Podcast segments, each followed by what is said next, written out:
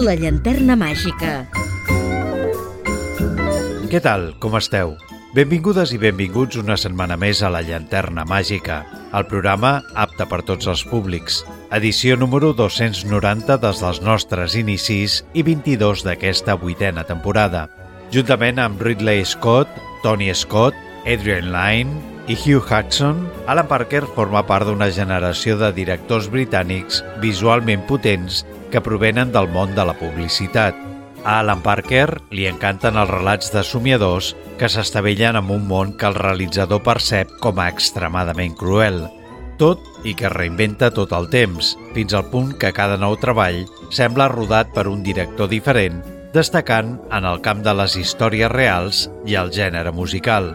Dos vegades nominat a l'Oscar com a millor director, la primera l'any 1979 per l'Express de mitjanit i la segona, 10 anys després, per Crema, Mississippi, Sir Alan Parker va dirigir altres exitosos llargmetratges com Baxi Malone, Nieto del Capone, Birdie o The Commitments. Però abans d'aprofundir en el tema, deixeu-me que us recordi que podeu seguir la nostra activitat i escoltar els darrers programes emesos a les xarxes socials. Segueix el programa al Facebook facebook.com barra la llanterna màgica.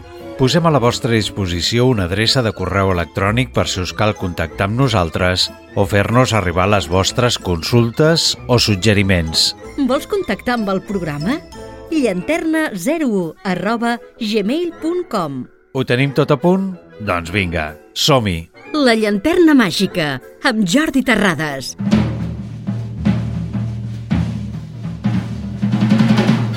Sir Alan William Parker va néixer un 14 de febrer de 1944 en una família de classe obrera a Islington, al nord de Londres, fill d'Elsie Ellen, modista de professió, i William Leslie Parker, pintor de parets.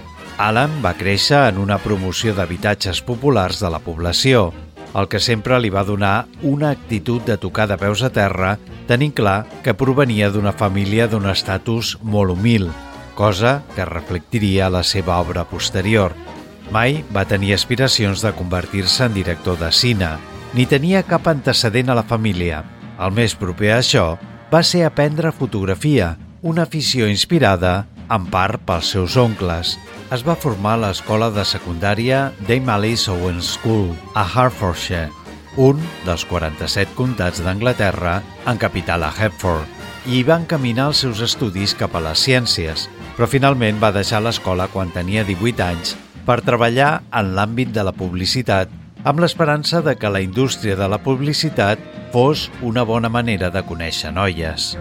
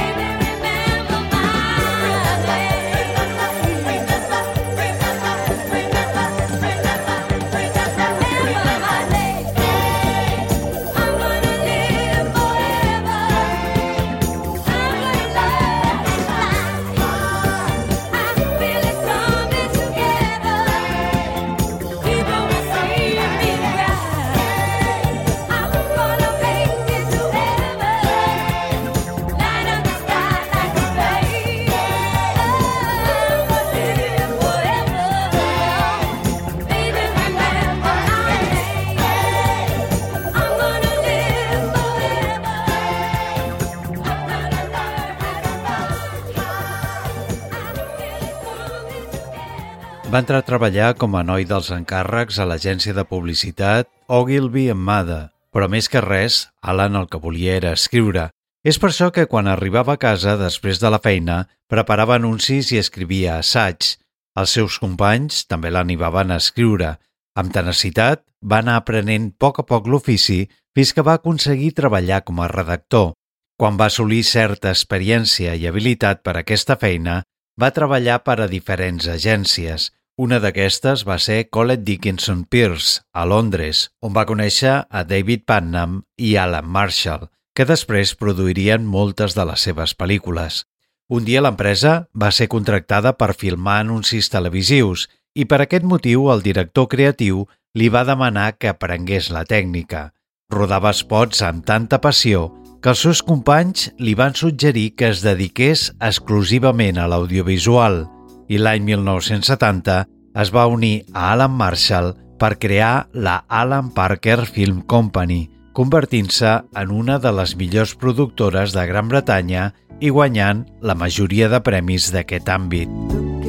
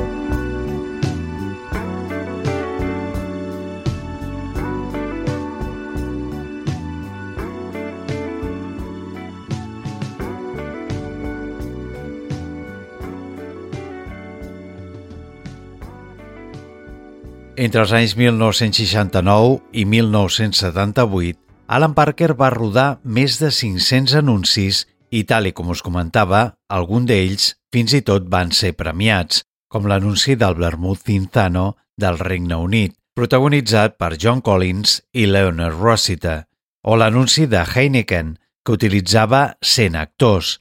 L'experiència assolida en el món de la publicitat va ser molt important per la seva posterior carrera com a director de cine. El productor David Putnam el va convèncer per escriure el guió de la que després seria la seva primera pel·lícula com a guionista, Misery. Després d'escriure el guió de la pel·lícula, dirigida per Waris Hussein, Parker va rodar la seva primera pel·lícula de ficció per a la televisió, No Hard Feelings, de la que també va escriure el guió.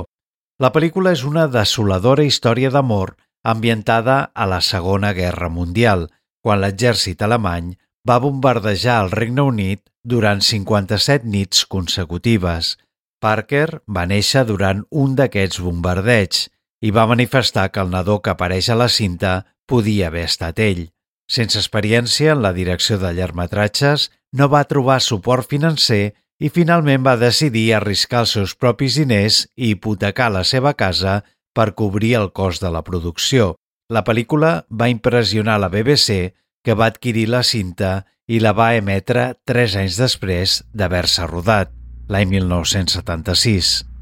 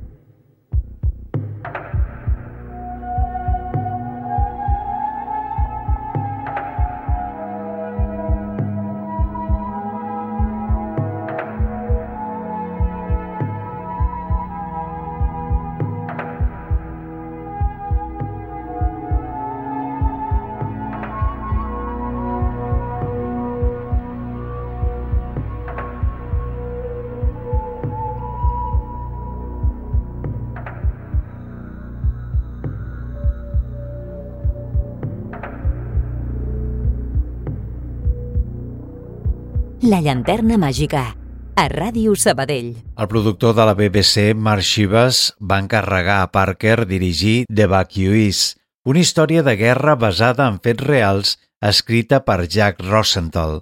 The Evacuees va guanyar un BAFTA al millor drama de televisió i també un Emmy al millor drama internacional.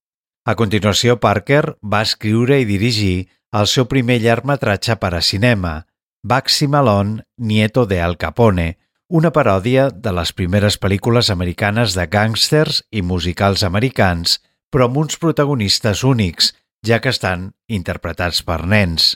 Tot un clàssic del cine mundial que va significar el debut del realitzador britànic i on apareix una jove Jodie Foster amb només 13 anys d'edat. La pel·lícula va rebre 8 nominacions als Premis de l'Acadèmia Britànica i 5 premis BAFTA, també una nominació als Oscar en la categoria de millor cançó original per Paul Williams. We could have been anything that we wanted to be. And it's not too late to change.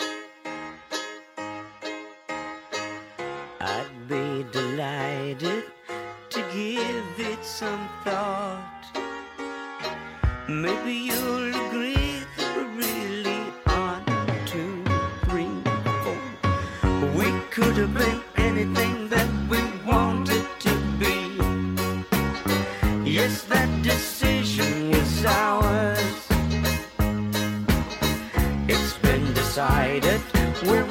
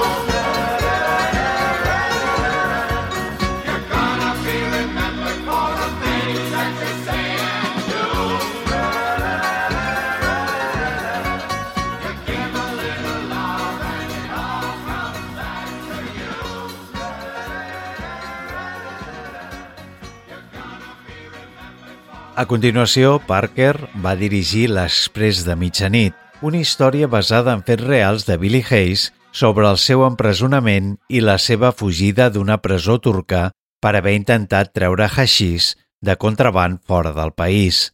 Hayes era un consumidor de drogues habitual i en diverses ocasions va transportar haixís per Europa. Durant la seva estança a Estambul, l'any 1970, va intentar fer el mateix però aquesta vegada no va tenir la mateixa sort i a l'aeroport va ser descobert per la policia.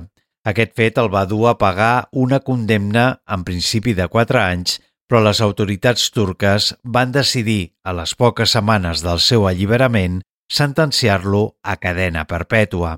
La pel·lícula té moltes diferències amb el llibre i Oliver Stone, que va fer l'adaptació, va voler mostrar a Hayes com a una víctima. Stone va utilitzar els recursos narratius d'una manera crua, dramàtica i desagradable pel que fa a les tortures en una presó a Istanbul, el que va indignar a Hayes i al govern turc, ja que es mostrava una visió desfavorable del país. Tant és així que la pel·lícula va estar prohibida a Turquia fins l'any 1993. Tot i això, l'Express de mitjanit es va convertir en una pel·lícula de culte, sobretot per als més joves, Giorgio Moroder va estar a càrrec de la banda sonora, un dels principals ingredients de la cinta que ens envaeix el cos d'adrenalina.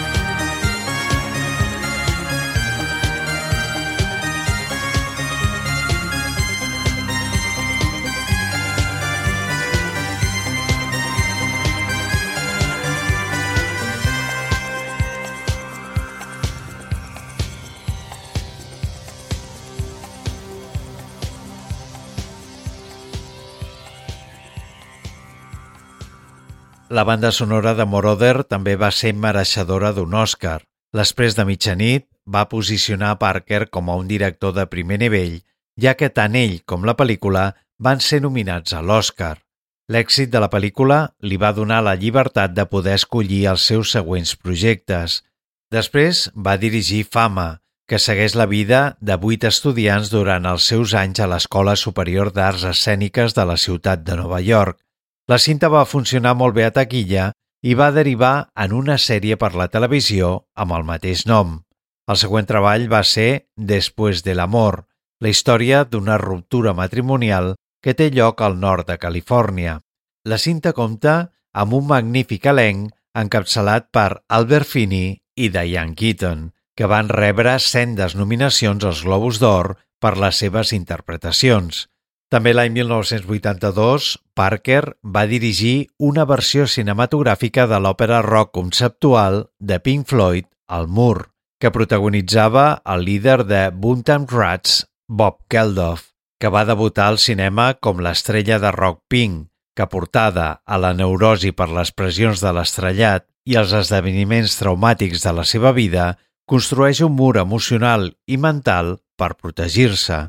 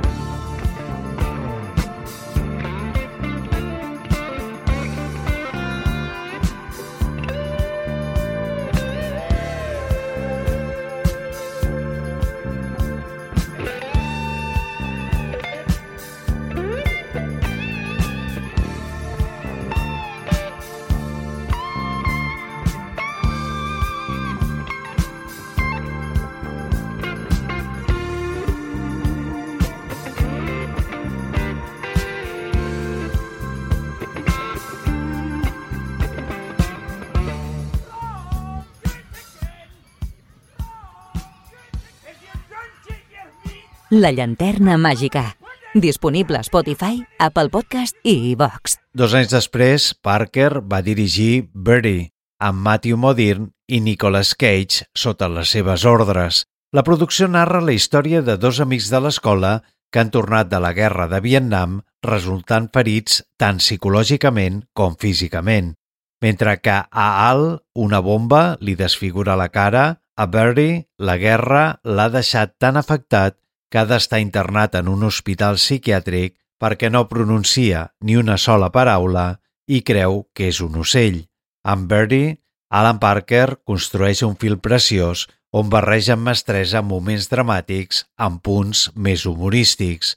El film està basat en una novel·la de William Worden, destacant un guió molt cuidat i una direcció artística excel·lent. La pel·lícula va ser mereixedora del Gran Premi del Jurat del Festival de Canes.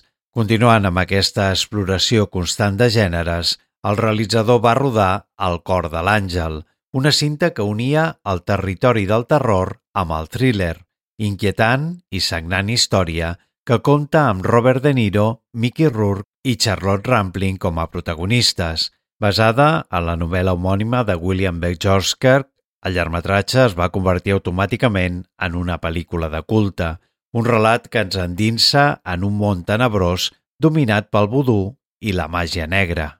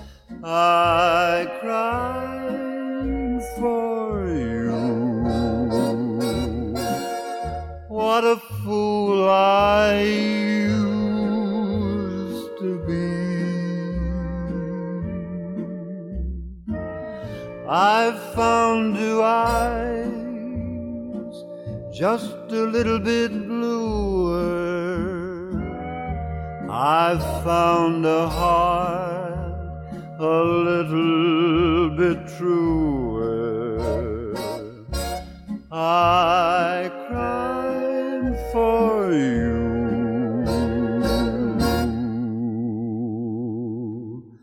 Now it's your turn to cry over.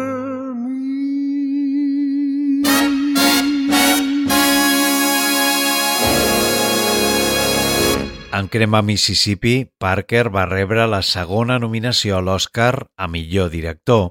La pel·lícula es basa en una història real sobre els assassinats de tres treballadors activistes i defensors dels drets humans l'any 1964 en un poble sureny on el racisme està profundament arrelat i el Ku Klux Klan reivindica la supremacia blanca. El film està protagonitzat per Gene Hackman i Willem Dafoe. La pel·lícula va rebre un total de set nominacions, inclosa la de millor pel·lícula i actor principal per Hackman, enduent-se l'Oscar a millor fotografia. Tot i que el film narra fets reals, estem a l'anomenat Estiu de la Llibertat, al final de l'època de Kennedy, quan líders de color es fan escoltar també fora del país, Crema Mississippi no és una pel·lícula històrica. El 1991, Parker va dirigir The Commitments, una comèdia sobre un grup de persones residents en un barri proletari de Dublín que decideixen crear una banda i portar la música soul a la ciutat. Per realitzar el càsting es van reunir a més de 3.000 músics per escollir quins eren els més escaients. En lloc de triar actors coneguts, Parker va escollir a músics joves, la majoria sense experiència d'actuació, que estaven molt a prop del personatge que interpreten a la pel·lícula.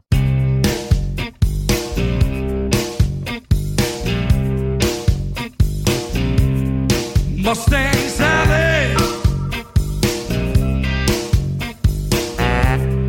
Guess you better slow that Mustang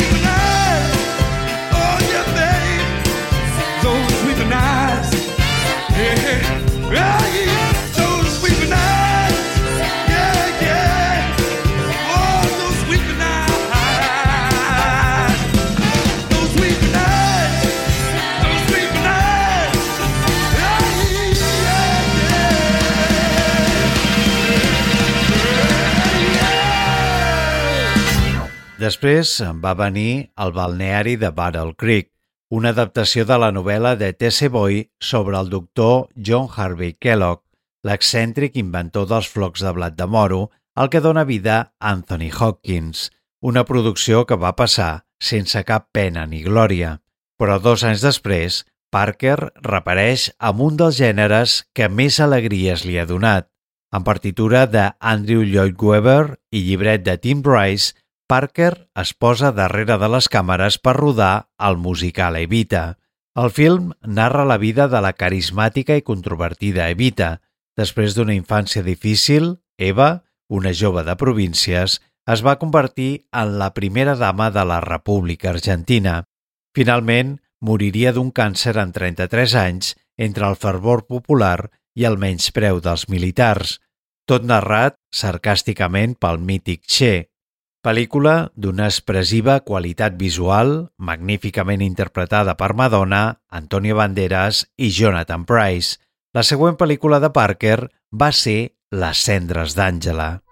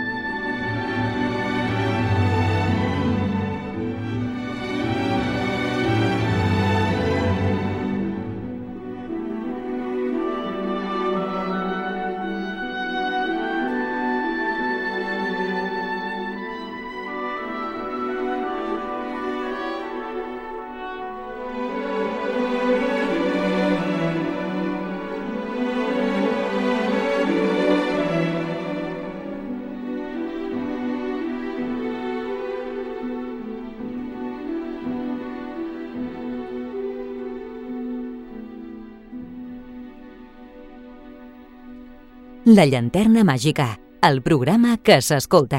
Les cendres d'Àngela és un drama basat en les experiències de la vida real del professor i escriptor estatunidenc Frank McCurr i la seva infància. Àngela i Malachi McCord abandonen Nova York durant l'època de la Gran Depressió i tornen a la seva Irlanda natal, però la seva situació no millora per dues raons. Per una banda, la crisi que segueix a la independència i per altra l'alcoholisme de Malachi, que es deixa als bars al poc que guanya. A base de subsidis i caritat, Àngela se les anirà arreglant per mantenir els seus quatre fills. El seu mentor, el gran director Fred Tineman, li va dir que fer una pel·lícula era un gran privilegi que no havia de perdre mai. Per tant, quan Parker visitava les escoles de cinema, sempre els hi deia que la nova tecnologia disponible per fer pel·lícules i explicar una història era menys important que transmetre un missatge. Si no tens res a dir, millor que no et posis darrere d'una càmera. I la darrera vegada que Parker va fer això, és a dir, es va posar al darrere de la càmera, va ser per rodar La vida de David Gell, un thriller criminal sobre un defensor de l'abolició de la pena capital que es troba al corredor de la mort després d'haver estat condemnat per l'assassinat d'un company activista. Alan Parker, autor de grans clàssics com L'Express de mitjanit o Crema Mississippi, va morir el 31 de juliol de l'any 2020, als 76 anys, víctima d'una llarga malaltia. Rebeu una salutació de qui us ha estat acompanyant al llarg d'aquest programa, Jordi Terrades, com sempre us diem, gràcies per la vostra atenció. Sense vosaltres, ja ho sabeu, no seríem res i us esperem a la propera edició de La Llanterna Màgica. It won't be easy You'll think it's strange When I try to explain how I feel That I still need your love After all that I've done You won't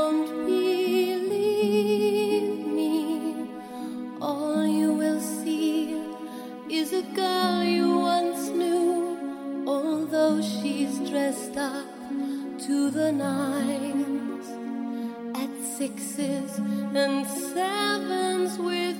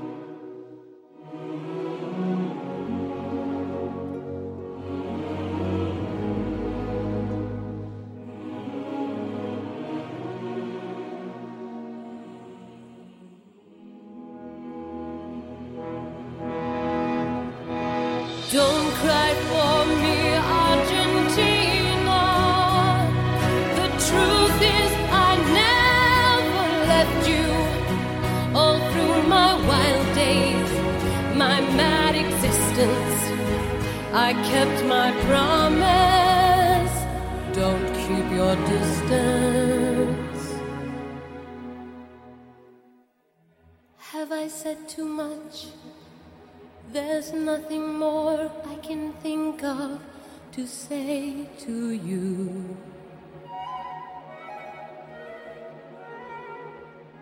But all you have to do is look at me to know that every word is true.